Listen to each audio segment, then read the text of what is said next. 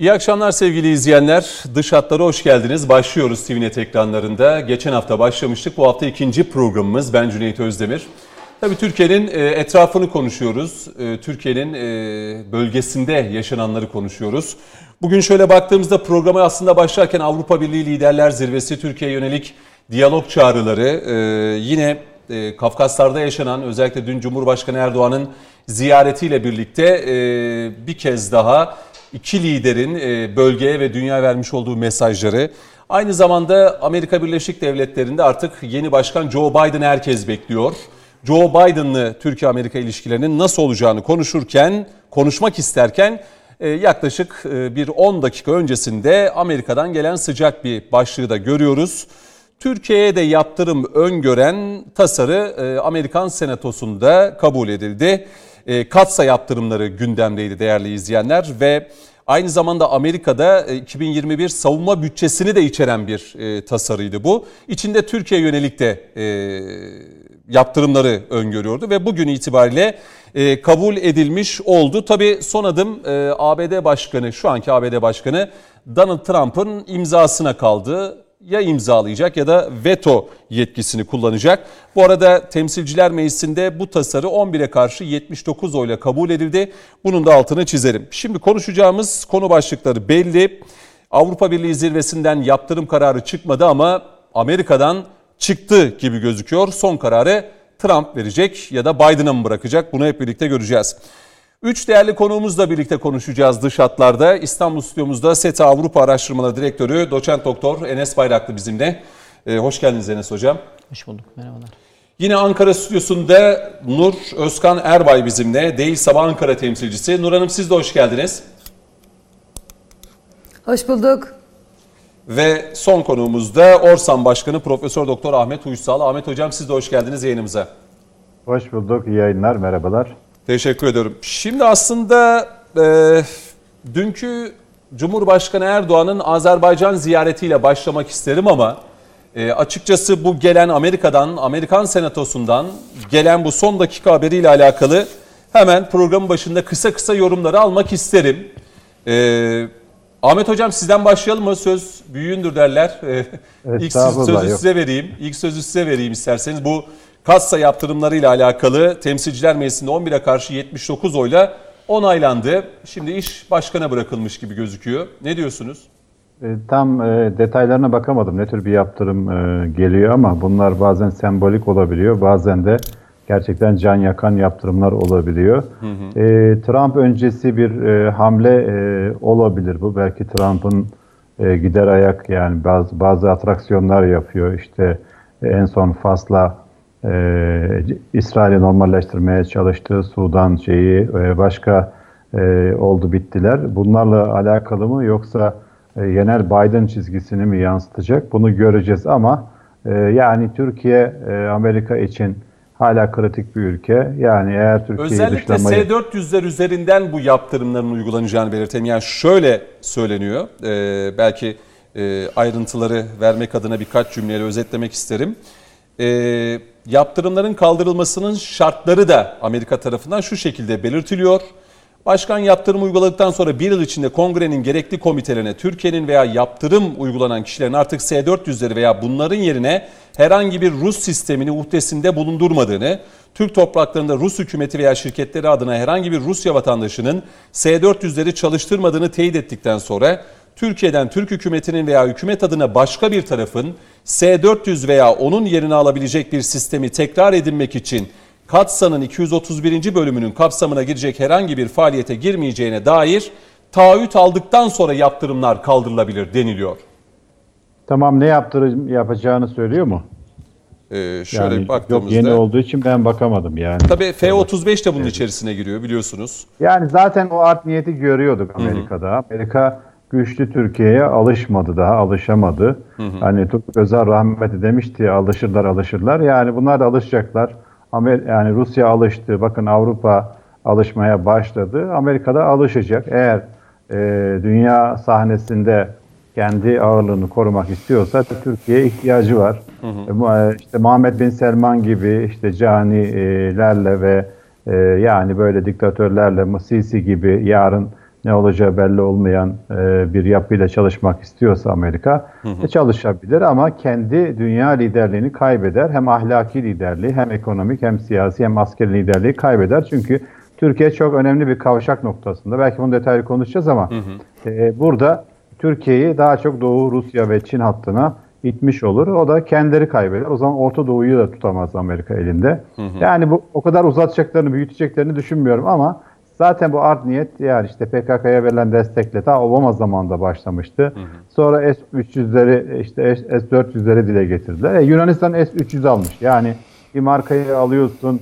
Ya sen işte e, şu yani reklam olmasın diye söylemiyorum ama sen şu arabayı al ama üst modelini alma. Böyle saçma bir şey olabilir mi? Yani NATO üyesi bir, e, bir ülke S-300 alıyorken e, diğeri de S-400 niye alamasın? Yani böyle her her dediğimizi Amerikan ağzına bakarak mı e, şey yapacağız? Yani Evet. bu anlamsız bir şey ve e, burada e, zaten o art niyet e, belli olmuştu. Şimdi e, onun belki ipuçları var. E, biraz e, belki Trump onaylamaz da ama e, sonuçta biz bunları e, göreceğiz. Yani ben ilk aşamada daha sembolik e, şeyler, yaptırımlar olacağını düşünüyorum. Peki. Yani çok can yakan e, yaptırımlar olacağını düşünmüyorum. Çünkü bir test etme, bir elense süreci gibi e, güreşte olur. O, o süreci gördükten sonra e, olacaktır ama e, yani güçlü Türkiye'ye alışacaklar. Başka başka çaresi yok. Biz de yani zayıf Türkiye'den her her dedi, e, dediklerini yapan aman ağam e, işte aman paşam gibi bir yaklaşımdan artık çok bıktık, yıldık bir şey de kazanmadık. Artık e, yani kendi göbeğimizi kesmeye başladık. Bu devam edecek. Burada bir e, bir e, bir durum yok yani çekinecek de bir durum yok. E, teslim olsak yani ambargolu durumdan hep söylüyorum ben. Ambargoyu yemiş olsak bile zararı e, olsa bile teslim olmaktan yine daha iyi oluruz. Çünkü teslim olduğumuzda 70'ler gibi işte e, yani e, Amerikan yardımlarına, IMF e, kredilerine muhtaç bir Türkiye oluruz. O yüzden teslim olmak yok yani. O yüzden bir sıkıntı Peki. yok. Şimdi anladığımız kadarıyla Enes Hocam sizden de belki kısa bir değerlendirme almak isterim. Yani S-400'ler Türkiye ile Rusya arasındaki savunma konusundaki işbirliği e, ve tabii F-35 programı da bunun içinde e, yer alıyor.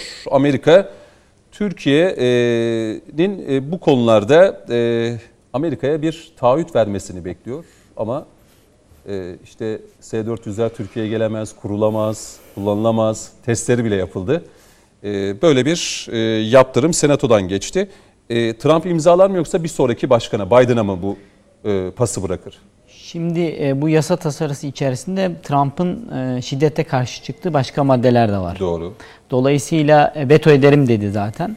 E, büyük ihtimalle de veto edecek. E, veto edecek sonra tekrardan kendisine gönderilecek. Bu sefer uygulamak zorunda e, kalacak. E, Türkiye ile ilgili e, yaptırımlar konusunda bu yasa tasarısı 12 yaptırımdan 5 tanesini uygulamasını talep ediyor kendisinden. Dolayısıyla onları seçecek içerisinden eğer bu süreçte e, ama büyük ihtimalle e, Biden'a kalacak gibi gözüküyor. Yani bu süreç gidecek gelecek e, gibi gözükür gözüküyor. E, Bu açıdan baktığınız zaman Biden'ın Biden'a e, aslında bir şey olmuş olacak ne diyelim. Biden için bir ilk sınav test haline gelecek Türk-Amerikan ilişkileri açısından baktığınız zaman. E tabii şimdi e, Türkiye'deki yani bu S-400 buradaki temel e, mesele haline getiriliyor. Fakat Türk-Amerikan ilişkilerindeki e, sorunların kaynağında S-400 yok. S-400 e, biz neden S-400 aldık Türkiye? Önce o soruyu sormamız lazım. Çünkü Amerika Birleşik Devletleri bize karşı müttefiklik hukukunun gereklerini yerine getirmedi. Dolayısıyla Türkiye'de bundan kaynaklı olarak yani hem silahları satmadı Türkiye'ye, Patriot'u satmadı, geciktirdi, başka sistemleri satmadı. Hem Türkiye'nin milli ne- güvenliğini doğrudan tehdit eden adımlar attı Suriye'nin kuzeyinde. Şimdi James Jeffrey bir röportaj vermiş en son. Ee, işte biz Suriye'nin kuzeyinde bu PYD ile e, ondan sonra beraber çalışıyoruz. E, e, bu işte temeli bunun temelinde işte Suriye'nin kuzeyinde DAEŞ'i temizlemek, rejime karşı dengelemek, İran diyor falan. İran'ı dengelemek var diyor. E, Türkler bunu hep yanlış anlıyorlar diyor. Yani neyi yanlış anlayacağız? Yani yanlış anlayacak bir şey yok şirin ortada. gösteriyor. O Yani o açıklamaları tabii ben de orta okudum. tabii yani komik. Yani- Yani, şimdi Peki. böyle böyle bizi kandırabileceklerini falan zannediyorlarsa tabii yani bu bu bir hayalden ibaret yani. Dolayısıyla e, böyle bir mesele var. Bir seri meselenin sonunda S400. Şimdi biz bugün S400'leri desek ki geri Kullanmıyoruz, gönderdik geri Rusya'ya gönderdik. dedik. F-35'leri Türkiye'ye satacaklar mı sizce? Şimdi Başka onunla şartlarına alakalı da baktım. Eğer tasarı yasalaşırsa 15 gün içerisinde de Türk şirketlerinin yerine ki birçok parçasını biz yapıyoruz F-35'in. F-35 için parça üretecek ortakların e, yeni ortakların tespit edilmesi işlemleri başlatılacak. İşlemler başlatılacak. Biliyorsunuz bunlar ta iki sene önce durdurulduğu zaman güya e, Hala. bunların üretimi durdurulacak, Hala alınmayacak. Türkiye Hala parçaları. Türkiye üretiyor bunu. Neden? Çünkü ekonomik olan Türkiye'de üretilmesi. Evet. Yani şimdi işin bir de bir ekonomik boyutu var. Neden yani şimdi bir malı 1 liraya üretebiliyorken gidip 5 liraya 10 liraya ürettiresiniz? Yani bu da Doğru. tabii e, dolayısıyla bu şey daha hamuru daha çok su kaldırır. Yani Biden gelecek, sonra başka Türkiye'yi görüşmeler yapacak. Aslında Amerikalılar da biliyorlar ki bunun bir teknik bir mesele de değil aslında. İstense yani zaten S-400 NATO sistemlerine entegre değil. F-35'ler de Türkiye'ye satsalar bu iki sistemin beraber çalışmasında herhangi bir e, sıkıntı yok. E, F-35'in güvenliğine yönelik bir tehdit yok. Doğru. İsterlerse bunun te- teknik çözümü var. Ama istemedikleri için bugün işi yokuşa sürüyorlar.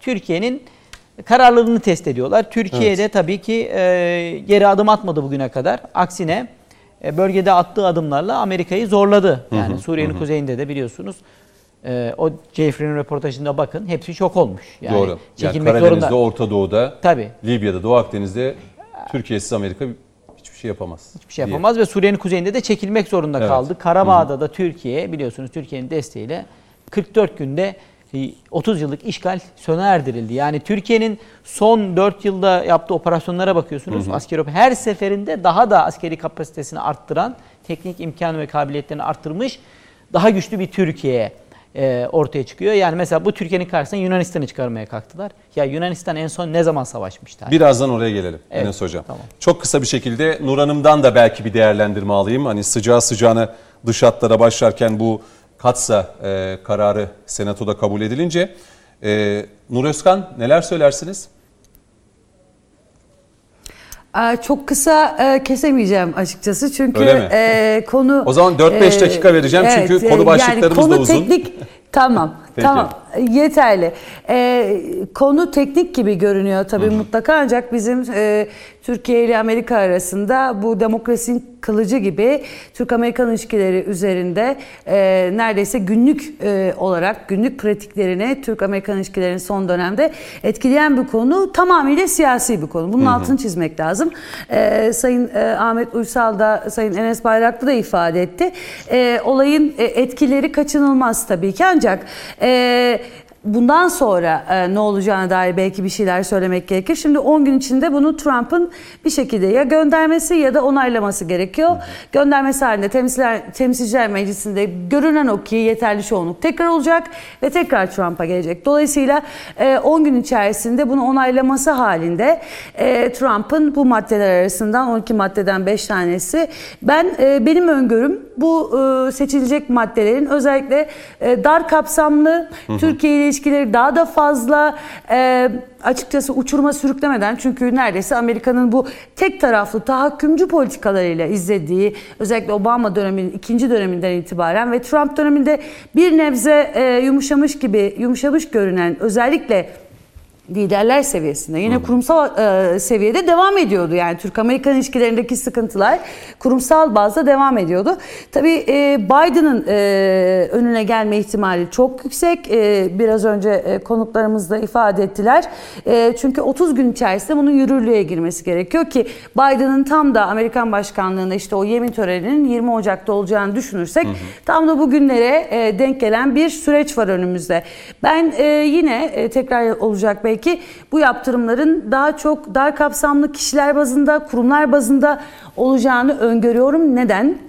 Ee, zaten e, e, tr- e, uçuruma sürüklenmiş bir e, Türk-Amerikan ilişkileri var. E, yeni bir müttefiklik tanımı yapılacaksa bunun Washington tarafından yapılması gerekiyor. Çünkü biraz önce bahsedildi. Yani bugüne kadar müttefiklik tanımına uymayan NATO konusunda olsun, NATO çerçevesinde olsun, ikili e, ilişkiler çerçevesinde olsun, bölgesel konularda olsun. Maalesef Türkiye'nin ulusal çıkarlarını e, zaman zaman böyle cambaza bak stratejileriyle görmezden geçmişten gelen e, bir şekilde sıkıştığı zamanda da böyle yaptırım e, şeklinde bir takım yumuşak karınları e, bastırmaya çalışan bir Amerikan e, politikası izledik Türkiye'ye yönelik. Ancak e, biraz önce Sayın Enes Bayrak da ifade etti. James Jeffrey belki de Amerika'nın son yüzyılda yetiştirdiği e, en iyi diplomatlardan bir tanesi. Türkiye'yi ondan daha iyi anladığını düşündüğüm benim şahsen e, en azından iyisiyle kötüsüyle e, bir diplomat yok. Vardır mutlaka e, şu anda özellikle Biden etrafındakilerin Anthony Blinken, Susan Rice e, gibi isimlerin de Türkiye'yi çok yakından tanıdığını biliyoruz. Çünkü Obama döneminde de çok tecrübe kazandılar. Ancak onlar aynı zamanda mimariydi tabii o e, çok e, geril ilişkilerin bir, bir anlamda da. Dolayısıyla e, burada James Jeffrey'nin açıklamaları çok önemli. E, ne Trump'ın ki Trump e, 4 yıllık başkanlık süresince Türkiye'yi gözden çıkarmak gibi bir ihtimali zorladı. E, bir takım ekonomik e, saldırılarla zorladı. E, onun dışında ancak Biden döneminin, Obama döneminin hep üçüncü Obama dönemi olacağını söylüyoruz. Söyleye geliyoruz. Çok benzer e, kodlar içeriyor. Çok benzer söylemler, çok benzer dış politika ekolleri. Dolayısıyla hani Biden'ın da tekrar düşünmesi, Türkiye'ye yönelik bir e, hamasetin sürdürmesi noktasında James Jeffrey'in röportajı çok önemli ve veriler barındırıyor. Yani e, Çin, Rusya, e, Kuzey Kore, İran denkleminde Türkiye'nin e, Kuzey Kore'yi çıkartırsak ilk üçü yani Rusya ve İran özelinde özellikle çok önemli bir e, ülke olduğu. Dolayısıyla ne Orta Doğu'da bundan sonra ve e, e, yeni bir e, denklem olarak Kafkasya'da ne Karadeniz'de e, hiçbir şekilde Türkiye'siz e, Türkiye'yi yanına almadan bir politika, sağlıklı bir politika Amerika'da çıkarları için en azından sürdürülebilir olmadığını e, ifade ediyor, altını çiziyor.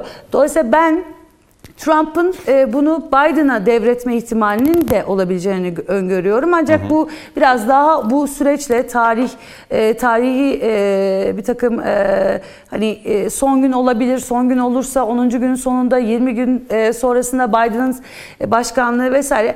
Bunlar çok tarihi ve teknik konular tabii ancak Trump'ın şu anda çok katı, çok güçlü yaptırımlara e, bir şekilde e, imza atmayacağını, Biden'ın da e, elinde en azından tüm bu e, işte James Jeffrey gibi isimlerin ve ona danışmanlık eden isimlerin telkinleriyle Türkiye ile daha e, birinci dakikadan, maçın birinci dakikasından böyle büyük bir bagajla, böyle zor bir bagajla karşılaşmak isteyeceğini zannetmiyorum. Peki.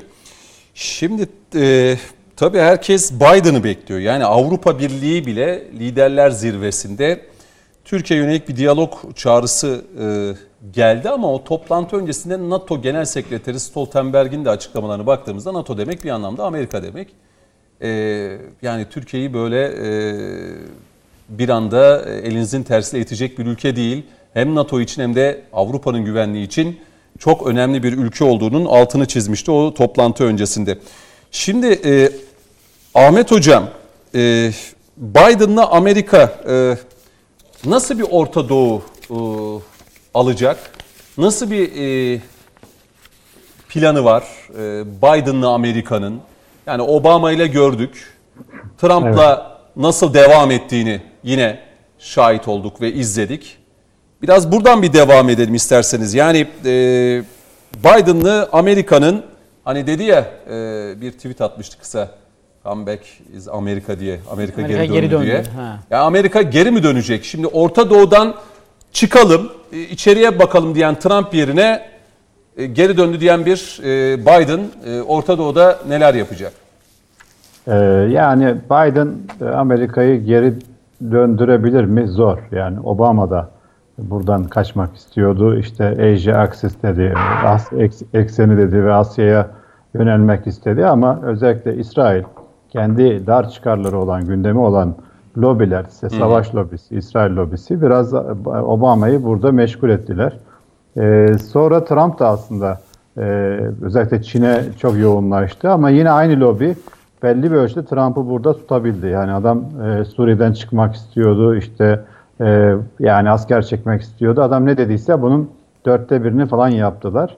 E, ama bu şunu e, ortadan kaldırmıyor. Yani Amerika'nın esas derdi, büyük e, kaygısı yükselen Çin. Yanında Rusya. Yani ekonomik e, tarafını belki e, Çin temsil ediyor o kampın.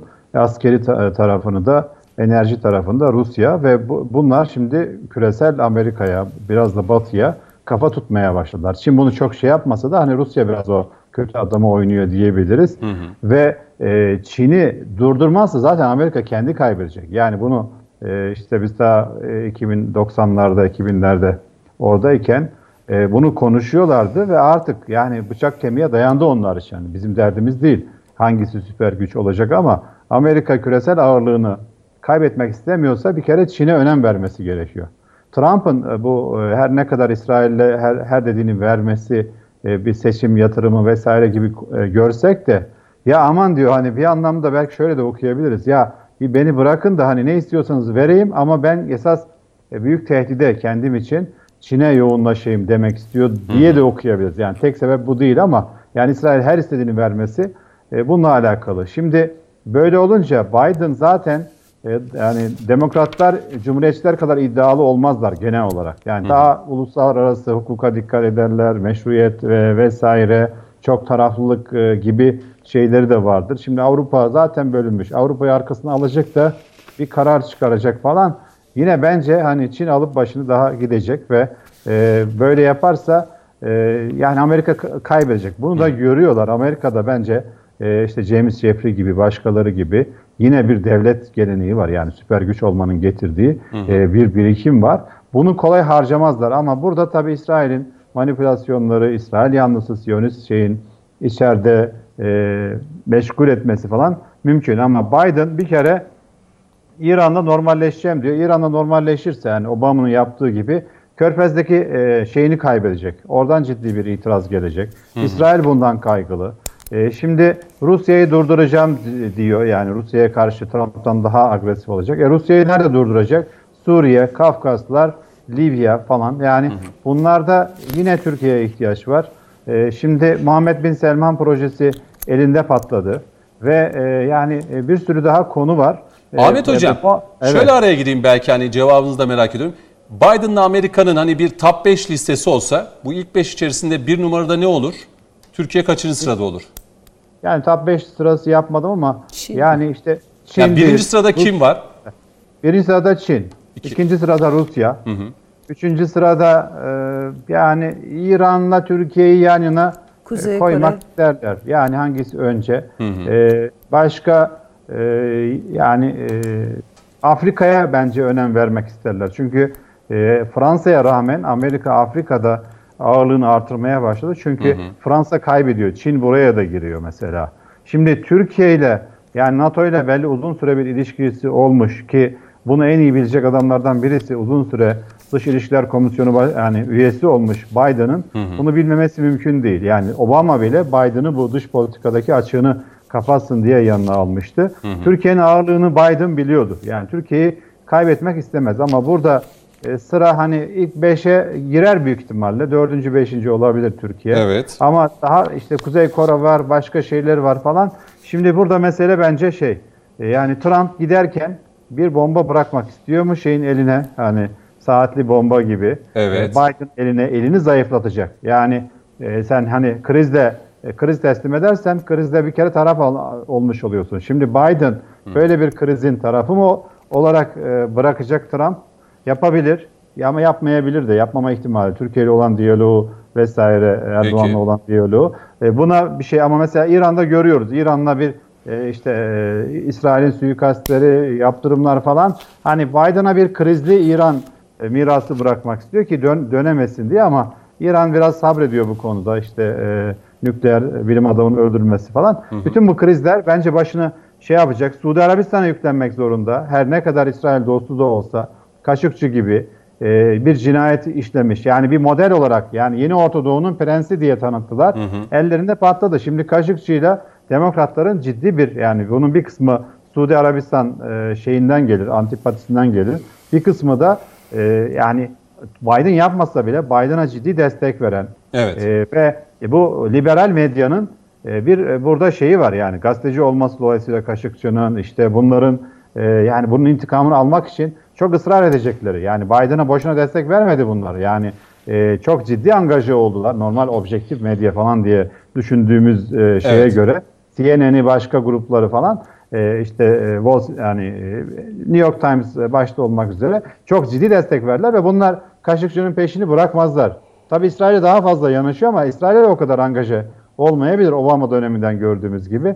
Dolayısıyla ben biraz daha e, şeyin yani hem enerjinin zaman alması, karar almanın zaman alması Peki. ilgisinin biraz daha az olacağını düşünüyorum. Yani özetle Peki şeyin. şimdi ilk araya gideceğiz. 3-4 dakikalık bir araya gidelim. Ee, dönüşte devam edeceğiz Ahmet Hocam, Enes Hocam ve tabii ki Nur Özkan'la.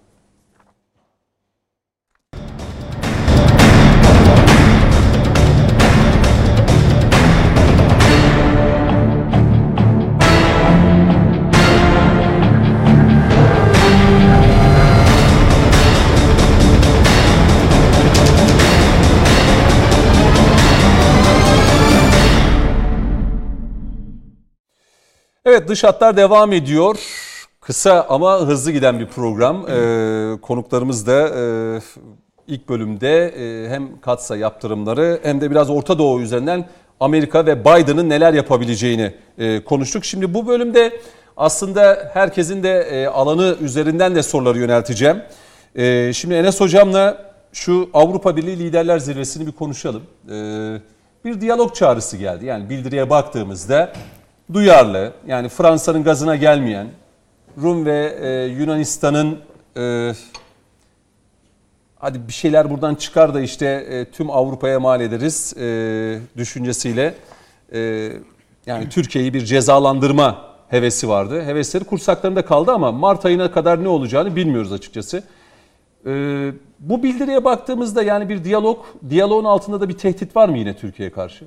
Ya bu tabii her zaman için var. Aa, Burada e, şunu gördük. Fransa, Yunanistan ve Güney Kıbrıs yönet- Rum yönetimi Türkiye'yi marjinalleştirmeye çalıştılar. Ama nihayetinde kendileri marjinalleştiler. Çünkü öyle aşırı taleplerle geldiler ki diğer Avrupa Birliği ülkelerine. Onlar dediler ki ya bir dakika dediler ya siz deli misiniz yani şimdi Türkiye ile yani niye oturup da biz köprüleri atalım yani bu kadar ortak çıkarlarımız var ekonomik çıkarlar güvenlik alanında. Ee, dolayısıyla yani biz bu Türkiye'ye şimdi oturup da bir yaptırım uygularsak sonra bunun karşılığında göreceğimiz zararın sizin yani bu ortaya sürdüğünüz gerekçeler bunun bir gerekçesi olamaz, sebebi olamaz. Doğu Akdeniz'le ilgili bu maksimalist talepler. Dolayısıyla daha fare doğurdu. Ama ben bu söylemlerin bilerek gündemde tutulduğunu düşünüyorum. Yani bu biraz Türkiye üzerine baskı kurmak için. Şöyle yaptırım olacak, böyle yaptırım olacak. Nihayetinde işte birkaç kişiye sembolik yaptırımlar. O da işte günü kurtarma, daha doğrusu görüntüyü kurtarmak adına a, aslında e, yapılan şeyler. Biraz Amerika'ya da bakıyorlar tabii. Eğer Amerika diyelim ki Trump reddetti, Biden geldi. Biden da e, bazı kararlar aldı diyelim. Amerika'yı izlerler. Çünkü yani Av- Avrupa Birliği'nin kendi başına böyle önemli meselelerde karar alabilecek, küresel manada e, adım atacak e, bir şeyi yok, aktörlüğü yok. E, çok çekimseller yani. Dolayısıyla şimdi Türkiye sadece Türkiye-Avrupa Birliği ilişkilerinden bahsetmiyoruz. Yani Türkiye'ye yönelik o bekledikleri Fransa'nın yaptırımlar uygulanması demek bambaşka bir düzleme geçmemiz demek. Yani o bir jeopolitik deprem. Bunun NATO'ya yansıması olur, kazandı. bunun Amerika'ya yansıması olur. Dolayısıyla şimdi bu Avrupa'nın tek başına alabileceği bir karar değil. Bir kere onu onu söylemek lazım. Dolayısıyla onlar hep zaten Amerika'ya bakarlar. Amerika adım attığı zaman Amerika mı? Zaten son 5 yılda e, kafası kesik tavuk gibi dolaşıyorlardı. Yani ne yapacaklarını bilemez bir haldeydiler. Çünkü Amerika çekilince e, Yani ortada yorum çok kaldılar. yapıldı. Biden'ı da Biden'ı bekliyor Avrupa Birliği de. Tabii Biden'ı bekliyorum. Biden'dan çok umutlular ama ben o Biden'ın dahi onlara o istediklerini vermeyeceğini düşünüyorum. Çünkü Biden'da e, Obama da yani Obama döneminde başlayan bir gerginlik var bir kere Avrupa ile Amerika arasında. Obama döneminde Amerika Alman şirketlerine cezalar kesildi. Hala mesela Almanya Kuzey e, bu denizden e, efendime söyleyeyim doğalgaz ikinci boru hattını yapıyor, kuzey akım e, yapıyor. Şu an %50 gazını zaten Rusya'dan alıyor. Bununla birlikte rakam daha da fazlaya çıkacak. Yani Amerikalılar bunu istemiyorlar. Dolayısıyla gerginlikler var. Ha Trump gibi kaba saba yapmayacak Biden ama baskı Avrupa üzerine bir şekilde devam edecek. Dolayısıyla böyle bütün Avrupa Birliği ile işte ne bileyim Avrupa Almanya ile Fransa Türkiye ile ilişkilerinde de Amerika'nın bir etkisi olacak mıdır? E, Avrupa Birliği Türkiye ilişkilerine işte dolaylı yoldan olacak. Eğer Avrupa Bir- Tür- Amerika Birleşik Devletleri mesela Biden e, işi gücü bırakıp Türkiye ile uğraşmak isteyecek olursa Avrupa'da o zaman Avrupa'da orada destek atacaktır ona. Yani o da şeye benziyor yani büyük abinin arkasına saklanıp kavga eden şeylere benziyorlar birazcık yani bu Şu çocuklar. Evet onlara benziyorlar. E, böyleler junior ortaklar. Biz yani. arkandayız abi diye. Tabii. Dolayısıyla ama ön öne çıkıp da kavga et- etmezler, etmek istemeyeceklerdir. Şimdi mesela Jeffrey'nin o e, vermiş olduğu röportajda yani Amerika Türkiye ile böyle kö- dile köprüyü atarsa diyor ne Orta Doğu ne işte Karadeniz, ne Asya'da Kafkaslar. buralarda bir rol oynayamazsınız diyor. Yani bu, bu şimdi biz belki Türkiye'den bunu böyle görmüyoruz ama Amerika'dan bu görünüyor. Zaten şimdi Biden geldiği zaman eğer e, şeye yemin edip iktidara geldiği zaman önünde birçok problem olacak. İşte saydık Çin'di, Ko- Kore'ydi, İran'dı, efendime söyleyeyim Rusya'ydı.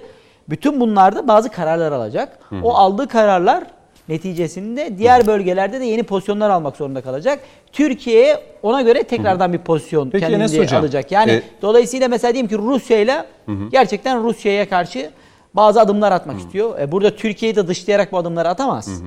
Peki e, Rus, e, Fransa'yı, e, Yunanistan ve Rum yönetimini yine aynı bu şekilde tavırlarla görür müyüz? Böyle sürekli Türkiye'yi cezalandıralım, Türkiye'yi pataklayalım tırnak içinde tabii. Eğer Amerika e, Türkiye'ye yönelik biraz daha sert bazı adımlar atmaya karar verecek olursa bunlar da bu şeyi arttıracaklardır. E, söylemi, e, krizi tırmandırmaya çalışacaklardır. E, ama ben onların da ciddi bir darbe yediklerini düşünüyorum. Yani özellikle Fransa Libya'da çok ağır bir darbe yedi. Suriye'nin kuzeyinde her ne kadar bunu Kafkaslar'da konuşmasak da yedi. Orada da yedi. Oraya da girmeye çalıştı. Orada da kimse onu e, tırnak içerisinde kazımadı. Dolayısıyla yani üçünde de kaybeden aslında bir açıdan baktığınız zaman bir de üstüne Doğu Akdeniz'i koyalım. Orada da kaybeden. Yani orada da büyük laflar etti. Gemiler Lübnan'ı gönderiyordu, bir şeyler yapıyordu falan. Yani Lübnan tam bir fiyasko zaten. Yani Lübnan'a böyle bir züccaciye dükkanına giren fil gibi girdi. Kaba saba tavırlarla efendime söyleyeyim. yani benim basından okuduğum Hizbullah'ın e, genel sekreteriyle işte bir görüşme yapıyor e, partinin e, parlamentodaki partinin e, bildiğim kadarıyla ve ona diyor ki İran'la bağlarınızı kesin e, işte bilmem burada demokratik sürecin bir parçası olun. Yani bunu Hizbullah denecek laf mı bu yani şimdi anlatabiliyor muyum? Bu kadar da realiteden kopuk bir şey var. Bu da Avrupa Birliği içerisinde de rahatsızlık yarattı. Yani bu bu e, aşırı aşırı radikal söylemleri içeride kavga ediyor, Avrupa Müslümanlarla Birliği'nin kavga lideri ediyor. ben olacağım Ee, e, bunu kendisinin hayali Macron biraz bu düşünceyliydi. Daha çok Merkel'in de bundan ziyade şu aslında Avrupa Birliği'nin liderinin Almanya olduğunu biliyorlar. biliyorlar ama, Almanya, işte o boşluğu hemen biz dolduralım. Almanya çekimser bir lider. Çünkü Almanya tarihsel olarak problemlerinden dolayı, e, soykırım meselesinden dolayı, faşizm, işte nasyonal sosyalizm bu problemden dolayı Almanya Avrupa'da bir liderlik almaktan çekiniyor. Geri planda dolayısıyla Fransa tribüne oynamak, birazcık da Almanya'da para var. işte Avrupa ordusu falan da kuralım e, diyor. O parayla Fransız sanayini, silah sanayini işte kullanarak bir ordu yaratarak böyle bir beleşçilik peşinde as- açıkçası. Yani buna free rider diyoruz uluslararası ilişkilerde. Dolayısıyla e, bundan yararlanmak istiyor ama Almanlar tabii bu oyuna gelmezler. Yani Evet. Almanlar da e, en az Fransızlar kadar e, e, mahirdirler diyelim. bu Peki konularda. bu konuda belki iki konuğumuzun da yorumlarını almak isterim ama şimdi Nuri Özkan'a döneceğim. Ee, konudan konuya geçiyoruz ama e, dış hatların da biraz özelliği bu. Şimdi Nuri Özkan dün e, Bakü'deydiniz. E, Azerbaycan'ın zafer günü Azatlık Meydanı'nda iki liderin Sayın Erdoğan ve Sayın Aliyev'in katılımıyla ve Azerbaycan halkının da büyük bir coşkusuyla kutlandı. Tabii dünkü mesajlar önemliydi. Özellikle ben dünkü izlenimlerini yani Bakü sokaklarında ne vardı, verilen mesajlar nasıl yankılandı, Sayın Cumhurbaşkanı Erdoğan'ın e, Bakü sokaklarında nasıl bir heyecan yarattığını e, senden açıkçası e, merak ediyoruz. Dinlemek de istiyoruz Nur Özkan. Sözü sana bırakalım. Ee, çok isterdim Cüneyt Özdemir ama ben dün Bakü'de değildim. Ee, Aa, çok özür diliyorum. bir yapmak Çok gerekecek. özür diliyorum. e, çok özür Ee, diliyorum. ben ama bu sene muhtelif defalar e, e, rica ederim. Ee, gittim Sayın Meclis Başkanı ile yine Sayın e, Cumhurbaşkanı ile e, bu sene e, yapılan yine e, Azerbaycan'daki meclis seçimlerini izlemek üzere bir gazeteci heyetiyle resmi temaslar için 2-3 defa bulundum. Ee, ancak e, Şubat ayında en son gittiğimde e, ki izlenimlerimden ve sonrasında yine e, bir ay önce gittiğim e, dönemdeki izlenimlerime bakarsak açıkçası e, bu zaferin gelişi neredeyse belliydi. Yani adım adım e, Azerbaycan halkı, Türkiye ile Azerbaycan ilişkisi e, arasındaki bu askeri siyasi ilişkilerin yoğunlaşması özellikle Karabağ müjdesini bekler gibiydi Azerbaycan halkı. Yani Şubat ayında özellikle hatırlıyorum. Ee, Karabağ'dan vekillerle yani Karabağlı olan e, vekillerle görüşmelerimizi artık diplomatik e, Minsk grubunun e, neredeyse e, tamamıyla işlevini yitirdiğini ve artık bundan sonra bu işlevsizlik devam ettiği müddetçe diplomasiden çok fazla umutlarının olmadığını, sahada olmaya Azerbaycan'ın hazır olduğunu ifade etmişlerdi. Ben açıkçası o zaman şaşırmıştım. Hani nasıl bu denklem kurulacak? Ee, belki arka planda, arka kapı diplomasisinde mutlaka Ankara-Bakü arasında tüm askeri, teknik, istihbari e, e, işbirliği, koordinasyon sürüyordu alttan alttan ancak tabii biz bunu biraz daha e, Ermenistan'ın provokasyonuyla başlayan özellikle sınır eyaletindeki rayonlarına yaptığı saldırılar ve sonrasında Gence'ye yoğunlaş- yoğunlaştırdığı Azerbaycan topraklarına ve yine e, Karabağ'a yoğunlaştırdığı saldırılarla beraber gördük. Dolayısıyla e, büyük bir zafer, büyük bir kazanım oldu. E, Ermenistan'ın provoke ettiği bir süreçle başlaması, Ermenistan'ın bu anlamda uluslararası kamuoyunda elinin zayıflaması e, açısından çok e, isabetli olduğu zamanlama açısından Amerika'nın hep bahsediyoruz Trump döneminde bu bölgede yarattığı vakum biraz bir parça Orta Doğu bir, bir parça Kafkasya'da e, Amerika'nın etkin rol almamasından kaynaklanan bir vakum söz konusuydu. Dolayısıyla Türkiye ve Azerbaycan'ın gerçekten e, tarihsel bir başarısı yani tarihi bir başarısı söz konusu. Bunun askeri başarısı, siyasi başarısının yanında yani bir zamanlama olarak adım adım gelen, adım adım ilmek ilmek örülen bir e, süreçten bahsediyoruz burada. Tabii denklem değişecek. Jeopolitik e, denklem e, ciddi manada belki önümüzdeki birkaç yüzyıl için neredeyse e, değişecek. Bugün ilk tepkiler daha doğrusu Sayın Cumhurbaşkanı'nın orada e, okuduğu bir e, dörtlük dizeden e, Laçin'le e, ilgili Aras'la alakalı o a- Azerbaycan halkının e, neredeyse e, marşı gibi olan e, Türk'ün dizelerini ifade etmesi bile e, bugün Tahran'dan nasıl yankılarla karşılaştı hepimiz gördük. E, İran Dışişleri Bakanı Cevat Zarif'in tamamen nahoş, e, mütecaviz, Türkiye'yi haksız iddialarla e, suçlayan bir takım tepkileri oldu. Dolayısıyla e, gerçekten e, bu konuda e, Azerbaycan'ın haklılığı, tarihi ve hukuki haklılığı taşlandırılmış oldu. Yani 30 yıl süren bir işgalden bahsediyoruz ve bu işgal e, sonunda e, her iki taraf için hem e, Azerbaycan hem Türkiye bölgesel ikili ilişkiler anlamında dün işte bir sürü protokol imzalandı. E, vizelerin kaldırılmasından tutun ortak medya platformunun kurulmasına. E, şimdi biraz önce Amerika'dan bahsettik. E, Amerika Birleşik Devletleri Türkiye e, arasındaki yeni dönem Biden dönemindeki ilişkileri tanımlayacak önemli e, unsurlardan bir tanesi de olacak. E, bugün e, Kafkasya'da değişen denklem. E, biraz önce James Jeffrey'den e, bahsettik. Yani e, bu noktada e, Rusya'yı tehdit algısında iki numaraya yerleştiren Amerika Birleşik Devletleri'nin ve ittifakları e, önceleyecek Biden yönetiminin ki bunun emarelerini ilk olarak NATO'da göreceğiz. Avrupa Birliği'nden bahsediyoruz. Avrupa Birliği'nde göreceğiz. Dolayısıyla NATO'nun genişlemesi, NATO çerçevesinde Türkiye'nin rolü e, bu anlamda Rusya'nın e, arka bahçesinde Kafkaslar'da ki bu yeni denklem mutlak surette Amerika ile ilişkilerinde de ilişkilerimizde de e, bir yaptırım aracı e, en azından e, Türkiye'nin buradaki oyun kuruculuğunun tesiri Türk-Amerikan ilişkilerine de, Türk-Avrupa Birliği, Türkiye-Avrupa Birliği ilişkilerine de, Türkiye'nin NATO Türkiye'nin NATO içerisindeki rolüne de çok büyük bir ivme kazandıracak. Yani bu e, dünden bugüne evet e, 44 gün sürdü ama gerçekten belki 44 yıl e, çalışılsa üzerine ilmek ilmek e, tüm safhalarıyla e, e, çalışılması gereken e, e, gerçekten e, tarihi geçecek bir gelişme oldu diye düşünüyorum açıkçası. Evet. Şimdi e, belki bu konuda Enes Hocam sizin de görüşünüzü özellikle şu altılı bir platform oluşturulması Cumhurbaşkanı Erdoğan'ın bugün basına yansıyan e, açıklamalarında Gürcistan, Rusya, İran, Türkiye, Azerbaycan hatta Ermenistan'ın da dahil olabileceği bir platform. E, Putin'in bu konuda olumlu baktığı hatta Sayın Aliyev'in de yine aynı şekilde e, Cumhurbaşkanı Erdoğan bu konuyu açınca olumlu ve sıcak baktığını belirtti Cumhurbaşkanı Erdoğan. Birazdan bu konudaki görüşünüzü merak edeceğim. Şimdi Ahmet Hocam e, size soracağım ve merak ettiğim şu. Özellikle geride bıraktığımız haftada biliyorsunuz İran'ın yine çok önemli isimleri suikast sonucu öldürüldü. Yani Muhsin Farizade, ardından Suriye'de Kasım Süleymani'den sonra bir başka önemli e, komutan öldürüldü.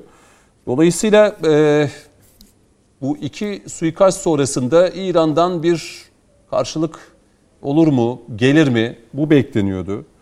Ee, sonra Amerika Birleşik Devletleri Orta Doğu'da bir nükleer savaş uçağı uçurdu. Yani bu da e, açıkçası ne anlama geliyordu? Yani Amerika B-52'leri gönderdi, nükleer savaş uçaklarını Orta Doğu'da uçuruyor. Ee, ne görüyorsunuz e, Ahmet Hocam e, bu gelişmelere baktığımızda? Hatta size Sincar'daki PKK varlığını da açıkçası sormak isterim. Yani bu da çok önemli. Evet, yani Türkiye'nin e, bu İran'dan başlayalım. E, İran'ın rahatsızlığı tabii sadece o şiirde ima edilen işte Azerbaycan'ın parçalanmışlığı değil. Tabii İran burada yanlış at oynayarak e, biraz şeyin e, saf dışı kaldı ama Türkiye bu altılı operasyon şeyle, altılı blokla aslında altı ülkenin işbirliği yapacağı blokla aslında İran'a tekrar yeşil dalı yani zeytin dalı uzatıyor ve yani hep kaybetmek zorunda değilsin diyor ama İran hep kaybetmeyi seçiyor maalesef. Yani e, biraz e, şeye benzetiyorum ben hep haset komşuya benzetiyorum. Yani e, kardeşim yani bizim iyiliğimize olan senin zararına olması şart değil. Öyle bakma diye söylüyoruz ama maalesef öyle bakıyor. İyi bir şey olduğu zaman e, bir şekilde tepki veriyor ama şu an İran'ın derdi daha büyük. Yani biz İran'ın e, kötülüğünü istemedik hiçbir zaman. Bir e, ciddi bir şey taciz gelmedikçe, zarar gelmedikçe bakın PKK ile hala e, yani perde altından görüşüyorlar. Bunları biliyoruz. Ama hani e, e, yokmuş gibi davranıyorlar.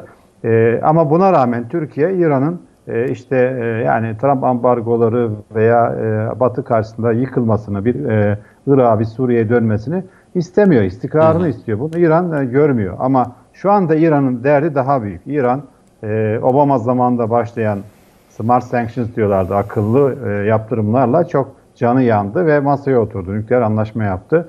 Ve Trump geldi. Tam umutlar yeşermişti ki Trump geldi bunları çöpe attı.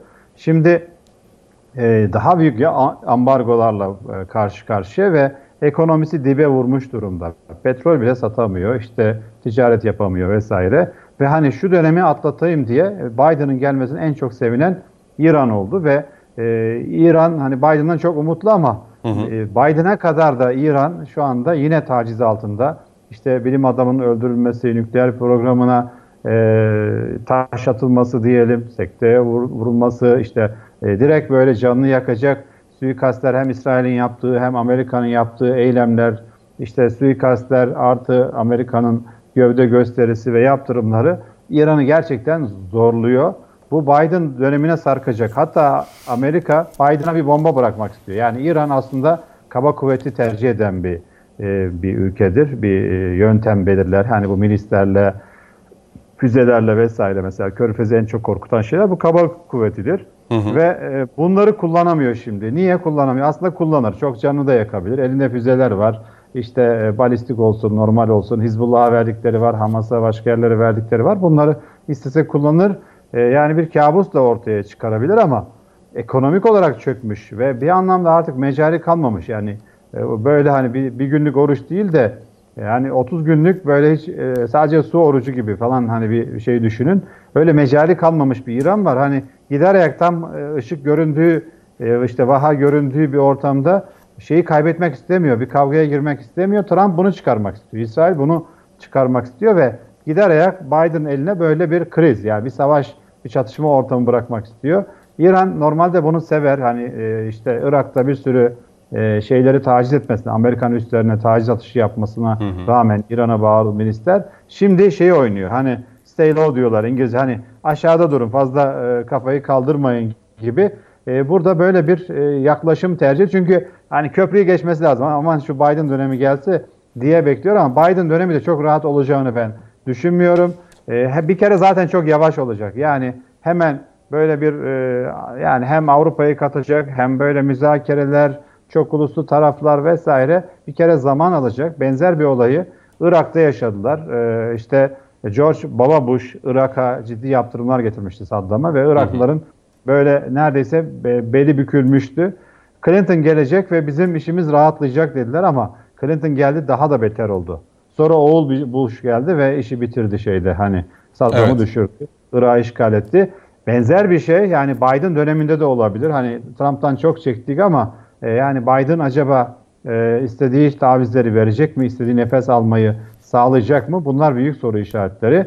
E, yani Sincar meselesi de tabii e, bununla bağlantılı. Türkiye, İran bu zayıf durumdayken, Trump varken işte gücünü de göstererek, Türkiye özellikle gücünü göstermesi, Jeffrey bunu en iyi bilen adamlardan birisi ve e, bir boşluk bulduğu anda işte Rusya ile de işbirliği yaparak veya Almanya işbirliği sağlayarak PKK'nın burada bir devlet kurmasına engel oldu. Yani onu belki hani çok uzatmayayım arkadaşlarım da vaktini yani almamak için bir tur bir sonraki turda belki daha Peki rahat e, soracağım. hani Özellikle soracağım Ahmet Hocam.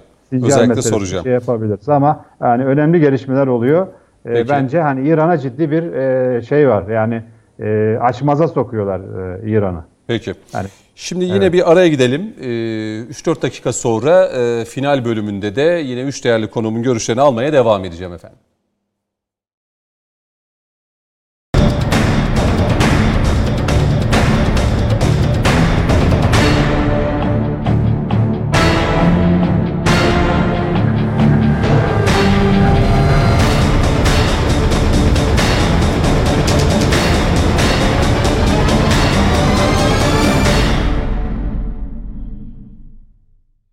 Efendim dış hatlar devam ediyor. Son bölümdeyiz. Son 20 dakika. 3 değerli konuğumuz var. Profesör Doktor Ahmet Uysal, Doçent Doktor Enes Bayraklı ve Değil Sabah Ankara temsilcisi Nur Özkan Erbay.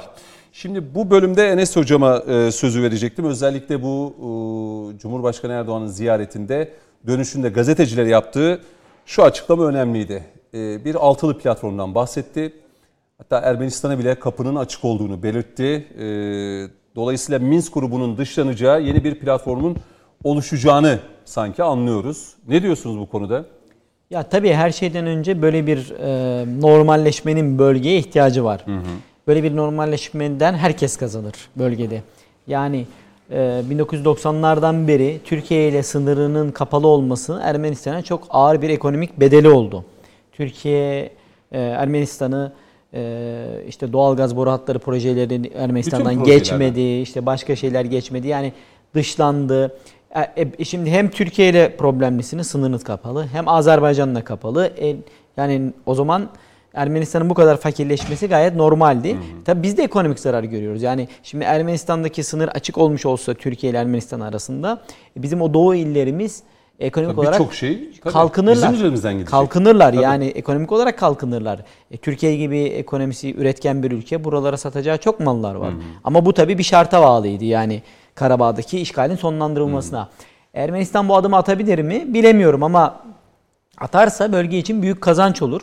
E, Azerbaycan'la normalleşmesi e, eninde sonunda gerekiyor. Yani ila nihaya bu savaşın sürmesi e, mümkün değil. Dolayısıyla e, bir anlaşma olursa eğer e, bir tarafta Gürcistan var. E, Gürcistan'la da e, işte Rusya arasında problemler var. Aşağıda İran var. Dolayısıyla bu bölgede böyle bir e, en azından belli başlı problemlerin çözülerek ticaretin artırılacağı bir döneme girilebilirse bundan herkes kazançlı çıkacaktır. Yani e, ben işin ekonomik boyutunu daha çok e, açıkçası düşünüyorum. Ha başka güvenlik alanındaki başka alanlarda tabii herkesin başka hesapları var. Onu orası kesin. Yani Minsk grubunun Türkiye artık İran'ın çok da bir işlevinin kalmadığını ya Minsk grubu tabii ölmüştür artık yani Hı hı, onun mi? onun onun onun oynayacağı bir rol kalmadı. Sonuçta e, yani Ermenistan ordusu adeta e, yani çok büyük bir yenilgi aldı yani. E, on binlerce askerini kaybetti yani. 10 bin geçit rakamından töreninde de- bahsediliyor. geçit töreninde de e, Tabii. o geçen ilk araçlarda insanlar biraz şaşırdı ya bu Azerbaycan ordusunun araçları niye böyle falan diye. Halbuki ele geçirilen Ele geçiren ve araçlar. e, Yani 10 bine yakın, onlar 10 bine yakın Ermenistan'ın kaybı var bilinen. E, bundan daha fazla büyük ihtimalle e, e, bir o kadar da yaralı vardır. E, teçhizat kaybı efendime söyleyeyim ve esas önemli olan tabii psikolojik olarak çöktüler. Yani o yenilmezlik safsatası Dün Azerbaycan'da büyük çöktü. coşku varken Erivan'da parlamento önünde büyük gösteriler Tabii vardı. Er- Azerbaycan'da da büyük bir psikolojik e, bezginlik Moral hali vardı şimdi. geçmişte. e, onu attı ve yapabileceğini gördü. Dolayısıyla e, burada e, bö- böyle bir e, bölgede e, yani eğer bir barış tesis edilebilecek olursa ki bu şimdi en e, doğru zaman bu barışı tesis etmek için. E, çünkü Ermenistan yani geçmişte böyle bir barış tesis etmek mümkün değildi Azerbaycan toprakları işgal altındayken. E, dolayısıyla böyle bir normalleşmeye gidebilir. E, bundan herkes kazanç görür. Yani Türkiye aslında geçmişten beri böyle böyle bir vizyona sahip. E, komşu ülkelerle ilgili ama tabii yani bizim bir etrafımızı, bölgemizi de yakasını e, işte iç savaşlar, efendime söyleyeyim Amerikan müdahalesi e, bunlardan kurtulamadı, yakasını kurtaramadı bir türlü.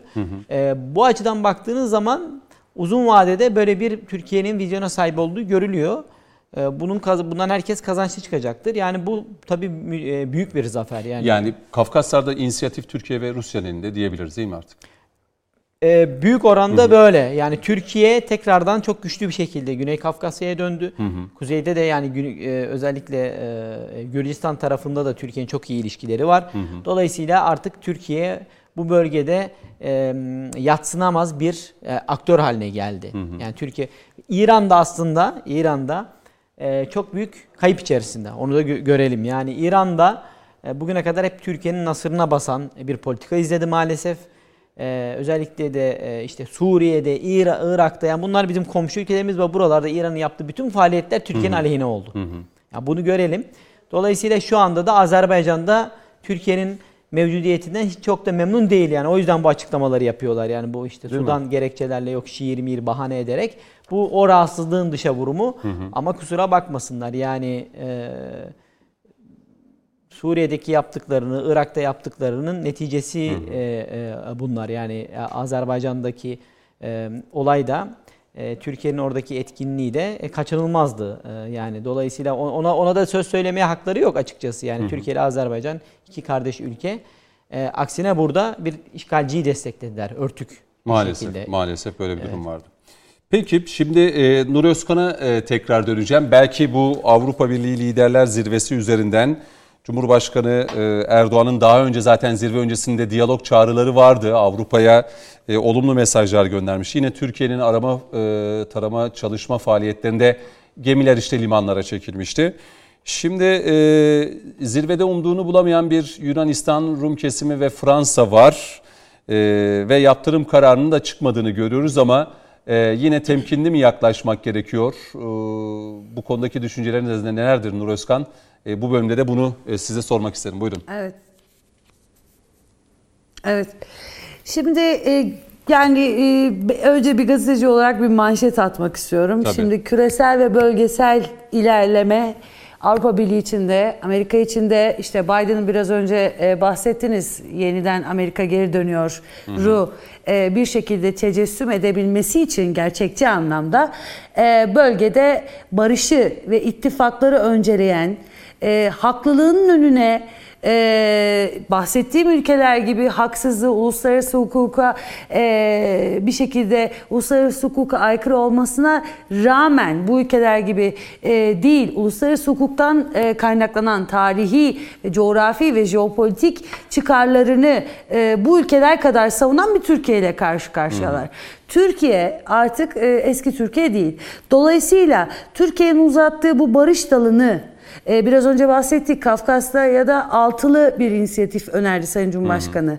Doğu Akdeniz'de bir konferanstan bahsetti e, Türkiye. Burada Yunanistan'ın 18 Ekim'den beri e, mutat toplantılara gelmediğini, katılmadığını biliyoruz. Yani bakınız ortada tüm diplomatik tahammülleri efendime söyleyeyim e, ihlal eden neredeyse kendisine uzatılan bu e, verilen krediyi e, hercümerceden heba eden bir e, şımarık bir Yunanistan'dan bahsediyoruz. Dolayısıyla e, hem Avrupa Birliği için hem Amerika Birleşik Devletleri için Türkiye'nin bu ittifakların e, yaratacağı barış, istikrar ortamını hem bölgede hem küresel ölçekte e, buna uyumlu, son derece bu konudaki e, e, e, bu konudaki e, istidadlı istidadını, uyumluluğunu bugüne kadar birçok alanda, bölgesel birçok çatışma alanında göstermiş. Yine Libya'da, e, Suriye'de bir Astana süreci var Rusya ile. E, Membiç anlaşması var. Her ne kadar Amerika'nın e, bu konuda da yine Türkiye'ye e, gerçekten samimiyetsiz e, politikalarını izliyoruz hala da.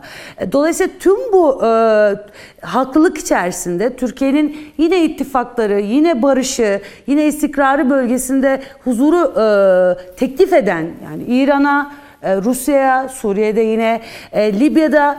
E, dolayısıyla Türkiye artık jeopolitik gücünü, mevcut jeopolitik gücünü artık bir vücut vücut kazandırıyor. Yani ete kemiğe bürünen bir jeopolitik güçten bahsediyoruz artık Türkiye için.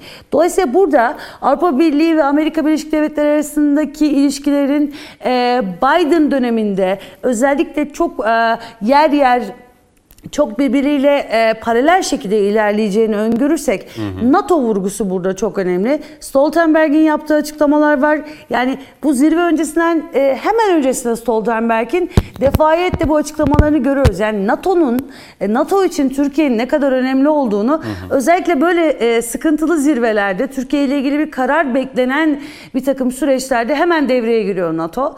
E, dolayısıyla Sayın Cumhurbaşkanı'nın da açıklaması var e, gazeteci meslektaşlarımıza e, Bakü'de NATO'daki e, çok önemli bir ortağa yapılan bir saygısızlık e, olacaktır diyor e, Sayın Cumhurbaşkanı. Amerika'dan gelebilecek yaptırımlara ya da Avrupa Birliği'nden gelebilecek yaptırımlara. Yani düşünün ki Küba'ya, Venezuela'ya ve Çin'e uygulanmış yaptırımları bir NATO müttefikinize ve NATO'nun ikinci büyük ordusuna karşı uyguluyorsunuz. Dolayısıyla bunun böyle artık hani sürdürülebilir, siyasi, gerçekçi, realist ve her tarafın kazanacağı bir pratiği yok. E, geçmişte de olmadı, bundan sonra da olmayacak. Dolayısıyla e, Avrupa Birliği'nin ayrıca, e, ayrıca bunlara ek olarak göze alamayacağı bir mülteci sorunu var. Yani defayetle e, bunu e, bugün özellikle e, Merkel'in açıklamalarında da gördük. Yani e, özellikle Charles Michel'in de açıklamalarında Avrupa Konseyi Başkanı'nın da altını çizdiği bu anahtar kelimeler çok önemli. Yani göze alamadıkları şeyi Türkiye'ye karşı özellikle ekonomik ortaklık, e, mülteci e, sorunu özellikle ve yine tabii aklı selim siyasetçilerin e, burada Merkel'e bu anlamda bir kredi vermek gerekir bilmiyorum e, sayın konuklarımız da katılırlar mı? Yunanistan ve Fransa'nın bu e, maksimalist e, bu aralar son derece popüler bir terim e, yani e, gücünden daha e, e, başka büyük bir şeye tekabül ettiğini zannettikleri açıkçası Avrupa Birliği içerisinde yer yer işte birinci e, lider ve liderin yardımcısı gibi son derece ger- e, gerçekçi olmayan son derece hayalperest yaklaşımlarına karşı yine de sağduyulu, aklı selim, gerçekçi liderlik e, biraz da Merkel'in sayesinde oluyor gibi görünüyor Avrupa Birliği'nde ancak Türkiye'nin haklılığı, jeopolitik gücünü tüm kapasiteleriyle ete kemiğe büründürmesi ve gidemediğin yer senin değildir. Bunu e, Maalesef komşularımızın o hamasi söylemleriyle anlamıyoruz. Biz e, Azerbaycan, Libya, Suriye bizim kardeş e, ö- ülkelerimiz. Büyük bir tarihsel geçmişimiz var. Dolayısıyla Evet. Türkiye artık e, sahada olmadan masada kazanamayacağını e, çok çok e, acı tecrübelerle de yakın geçmişimizde tecrübe etti. Dolayısıyla e, dediğim gibi küresel ve bölgesel ilerlemek için Türkiye'yi yanına almayan bu denklemde yeni oluşan jeopolitik ve küresel denklemde kaybedecek gibi görünüyor. Peki. Konuklarım bugün harika. Süreyi çok iyi değerlendiriyor. Ahmet Hocam'a döneceğim. Ee, şimdi Ahmet Hocam özellikle hani Orta Doğu'da e, yani Türkiye e, çok önemli bir aktör. E, Amerika'da e, yeni bir Orta Doğu'yu oluşturmak adına işte Trump'la e, İsrail e, ve Amerika'nın da öncülük ettiği bir yeni normalleşme var ama Türkiye-Amerika ilişkileri de e, Orta Doğu için de çok çok önemli. Türkiye-Amerika ilişkilerinde en büyük problemin de aslında şu anda Suriye'nin e, kuzeyinde e, tehdit olarak e, meydana getirilen bir PYD-YPG konusunu görüyoruz. İşte Irak'ta bir Sincar konusu vardı. E, buradan e, uzaklaştırılacak. Nereye gidecekler onu da bilmiyoruz ama yeni dönemde e, Türkiye ve e, Amerika arasındaki ilişkilerde yine en büyük sorun e, YPG ve PYD mi olacak? Evet, e, yani e, olabilir ama yani şunu anlamak lazım. Bir kere Yunanistan ve Fransa'nın maksimalist yani her şey benim olsun, e, maksimum kazanayım şeyine bence katılıyorum. E, orada gerçekten e, yani hiç mantıksız bir şey. Hani iki taraf diyelim 12 mile çıkarmak istiyor. Ya biz 12 mile çıkarmak istesek sınır ne olacak? Yani bunun bir orta yolu bulunması lazım. Yok. Fransa Yunanistan'a gaz veriyor. Yunanistan Fransa'ya gaz veriyor. Ama arada Fransa tabii hem Mısır'a hem şeye silahını satıyor. Kaybeden Yunanistan oluyor. Neyse bunu geçelim. Yani esas sorunuz tabii daha önemli ve daha kritik bizim için. Aslında 100 yıl önce bu bölge tasarlandığında sömürge mirası sonucu burası böyle parçalı ve e, yani bir çeşni gibi tasarlandı ve Osmanlı topraklarından bölündü burası. Yani bizim e, etkimizin olduğu kardeş e, vatandaşların, kardeş insanların yaşadığı çokça Türkmen de kaldı. İşte hepsi de Arap'ta, Kürt'te hatta yani gayrimüslimler de kardeşçe yaşadılar bizim ama buraya bir huzur gelmedi 100 yıldır. Şimdi e, yani ilk tasarımda tabii İngiltere'den, Fransa'dan burayı Amerika davra- devraldı süper güç olarak 2. Dünya Savaşı'ndan sonra ama şey değişmedi, doğası pek değişmedi. Amerika için önemli olan e, burada yani 100 yıl öncesinin önemi e, petrol ve enerji kaynaklarının burada olmasıydı. Bir de İsrail'in güvenliğiydi. Şu anda İsrail'i tehdit eden direkt bir şey yok aslında. Yani o konuda hani Trump biraz abartıyor ama yani orada e, direkt Amerikan müdahalesi ettirecek bir durum yok. İran'ın nükleer ve işte füzeleri hariç belki. O da zaten İran e, belli bir baskı altında tutuluyor. E, esas e, diğer konu ise enerji güvenliği ve dünyanın enerji sağladığı, öne hala önem, önemli enerji üretir buradan ama artık Amerika buna muhtaç olmaktan çıktı. Çünkü kendisi e, petrol üretiyor, doğal gaz üretiyor. Hatta bunu Avrupa'ya vesaire satmak istiyor. Dolayısıyla Amerika'nın öncelikleri ortada olmaktan çıktı. Bunu yaparken tabii Amerika'ya, Trump'a, Obama'ya e, biraz burayı daha parçalayalım da artık İsrail'i tehdit eden bir şey kalmasın. Hani böyle büyük devlet kalmasın gibi. Mısır'da darbe yaptırdılar, işte Suud'dan büyük paralar aldılar, işte e, zayıf bir prens getirdiler yerine, İran'a baskı yaptılar, Türkiye'de baskı yaptılar ve e, şu anda çatışma olan bölgeleri Suriye, Irak, Yemen, Libya buralarda parçalarsak Birleşik Arap Emirlikleri de buna payanda oldu. e, İsrail politikalarına. Biraz İsrail'in dediği gündemde gitti ama Amerika bundan büyük. Amerika bundan kendini sınırlayamaz. Süper güçse eğer sadece derdi e, Afrika'da vardır, Avrupa'da, Asya'da işte Latin Amerika'sına kadar Amerika'nın düşünmesi gereken bir sürü faktör var. NATO'su var, işte Dünya Ticaret Örgütü var falan. bu bu denklemde Türkiye'yi illa böyle yani bir müttefikinin canını yakacak şekilde ısrar etmesinin bir mantığı yok. Yani ben Suriye'yi böleceğim. Bölüp ne olacak? İsrail biraz daha rahat etsin. Yani niye İsrail rahat etmesi için Amerika'nın e, işte büyük e, çıkarlarını zedeliyorsa, Türkiye gibi önemli bir ülkeyi e, çıkarlarını zedeliyorsa kuşatıyorsun. Şimdi e, yani hem Barzani referandumuyla hem PKK kantonlarıyla Türkiye Orta Doğu'dan soyutlanmak isteniyordu. Bunu görmek lazım ve Türkiye'nin buna dur demesi gerekti. Yani şarttı zaten. Niye? Enerji burada, ticaret burada. Yani sermaye burada. Şimdi Evet. biz e, petrol ülkesi değiliz ki biz ticaret ve işte e, e, sanayiyle geçinmeye çalışan bir ülkeyiz. Dolayısıyla biz pazarlarımızı doğal yani ar- arka bahçemiz demeyeyim ama hani doğal ilişkilerimiz oldu, doğal neighborhood'u, doğal e, komşu e, çevreyi biz e, kullanamazsak Afrika'nın ta ucuna nasıl şey satacağız? Yani ekonomimiz nasıl gelişecek? Ve bundan Amerika'nın direkt bir faydası yok aslında. Yani Trump dö- döneminde gördük ki Amerika PKK'ya destek verse de vermese de çok bir şey değişmiyor. E, Türkiye ile IŞİD'le mücadele çok daha rahat edebilirdi ama burada yanlış tercihler yaptılar. Bunu Biden'la biraz aslında hani restleşmeye varacak şekilde sert bir pazarlık olacak. Yani e, Trump bunu anladı ama hani çok üstüne gitmedi. Evet. Türkiye biraz e, yani Türkiye ısrar edince e, görmezden geldi veya işte o mektuplar falan biliyoruz ama Türkiye bunları çöpe atınca yani daha üstüne gitmedi çünkü e, realist ve pratik bir adam. Evet. E, şimdi Biden daha aynı esnekliği, pratikliği gösterecek mi? Türkiye'yi kazanıp kendisi de kazanacak mı? Yani hem eski e, NATO müttefiki işte 100 yıldır Türkiye'de yönünü batıya dönmüş durumda. Bu Türkiye'yi korkutup caydıracak mı? Hatta mesela Avrupa'da bunu görmesi lazım. Görenler var Merkel gibi. Yani Türkiye aslında Avrupa'ya bir zarar verdiği yok. Yani mülteciler dahil ekonomik olarak tamam bir rekabet var ama Türkiye hani böyle bir Çin gibi direkt Avrupa ekonomisine tehdit olacak, rakip olacak, çökertecek bir etkisi yok. Bir Peki. e, enerji enerji ihtiyacına sabote edecek, isterse edebilir işte yani. Ama hani bunları hiç dile getirmeyen, zaten böyle bir niyeti olmayan bir ülke. E, yani bundan işte e, Yunanistan hesapları için Avrupa bütün o çıkarlarını riske atacak bir durumda değil. Peki. Bu- Amerika da bu durumda değil. Bunu görürse çok çok rahat ederiz. Yani e, ve e, inşallah aklı selim şey olur. Daha böyle küçük silah lobisi, savaş çatıştırma, İsrail lobisi vesaire bunların etkisinde kalmaz. Bir devlet adamlığı şeyiyle Peki. e, bence ortaya çıkar diye umuyorum.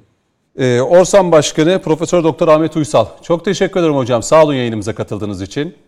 Eyvallah. Yine Değil Sabah Ankara temsilcisi e, Nur Özkan Erbay. Nur Hanım siz de e, katkı sağladınız. Çok teşekkür ediyorum.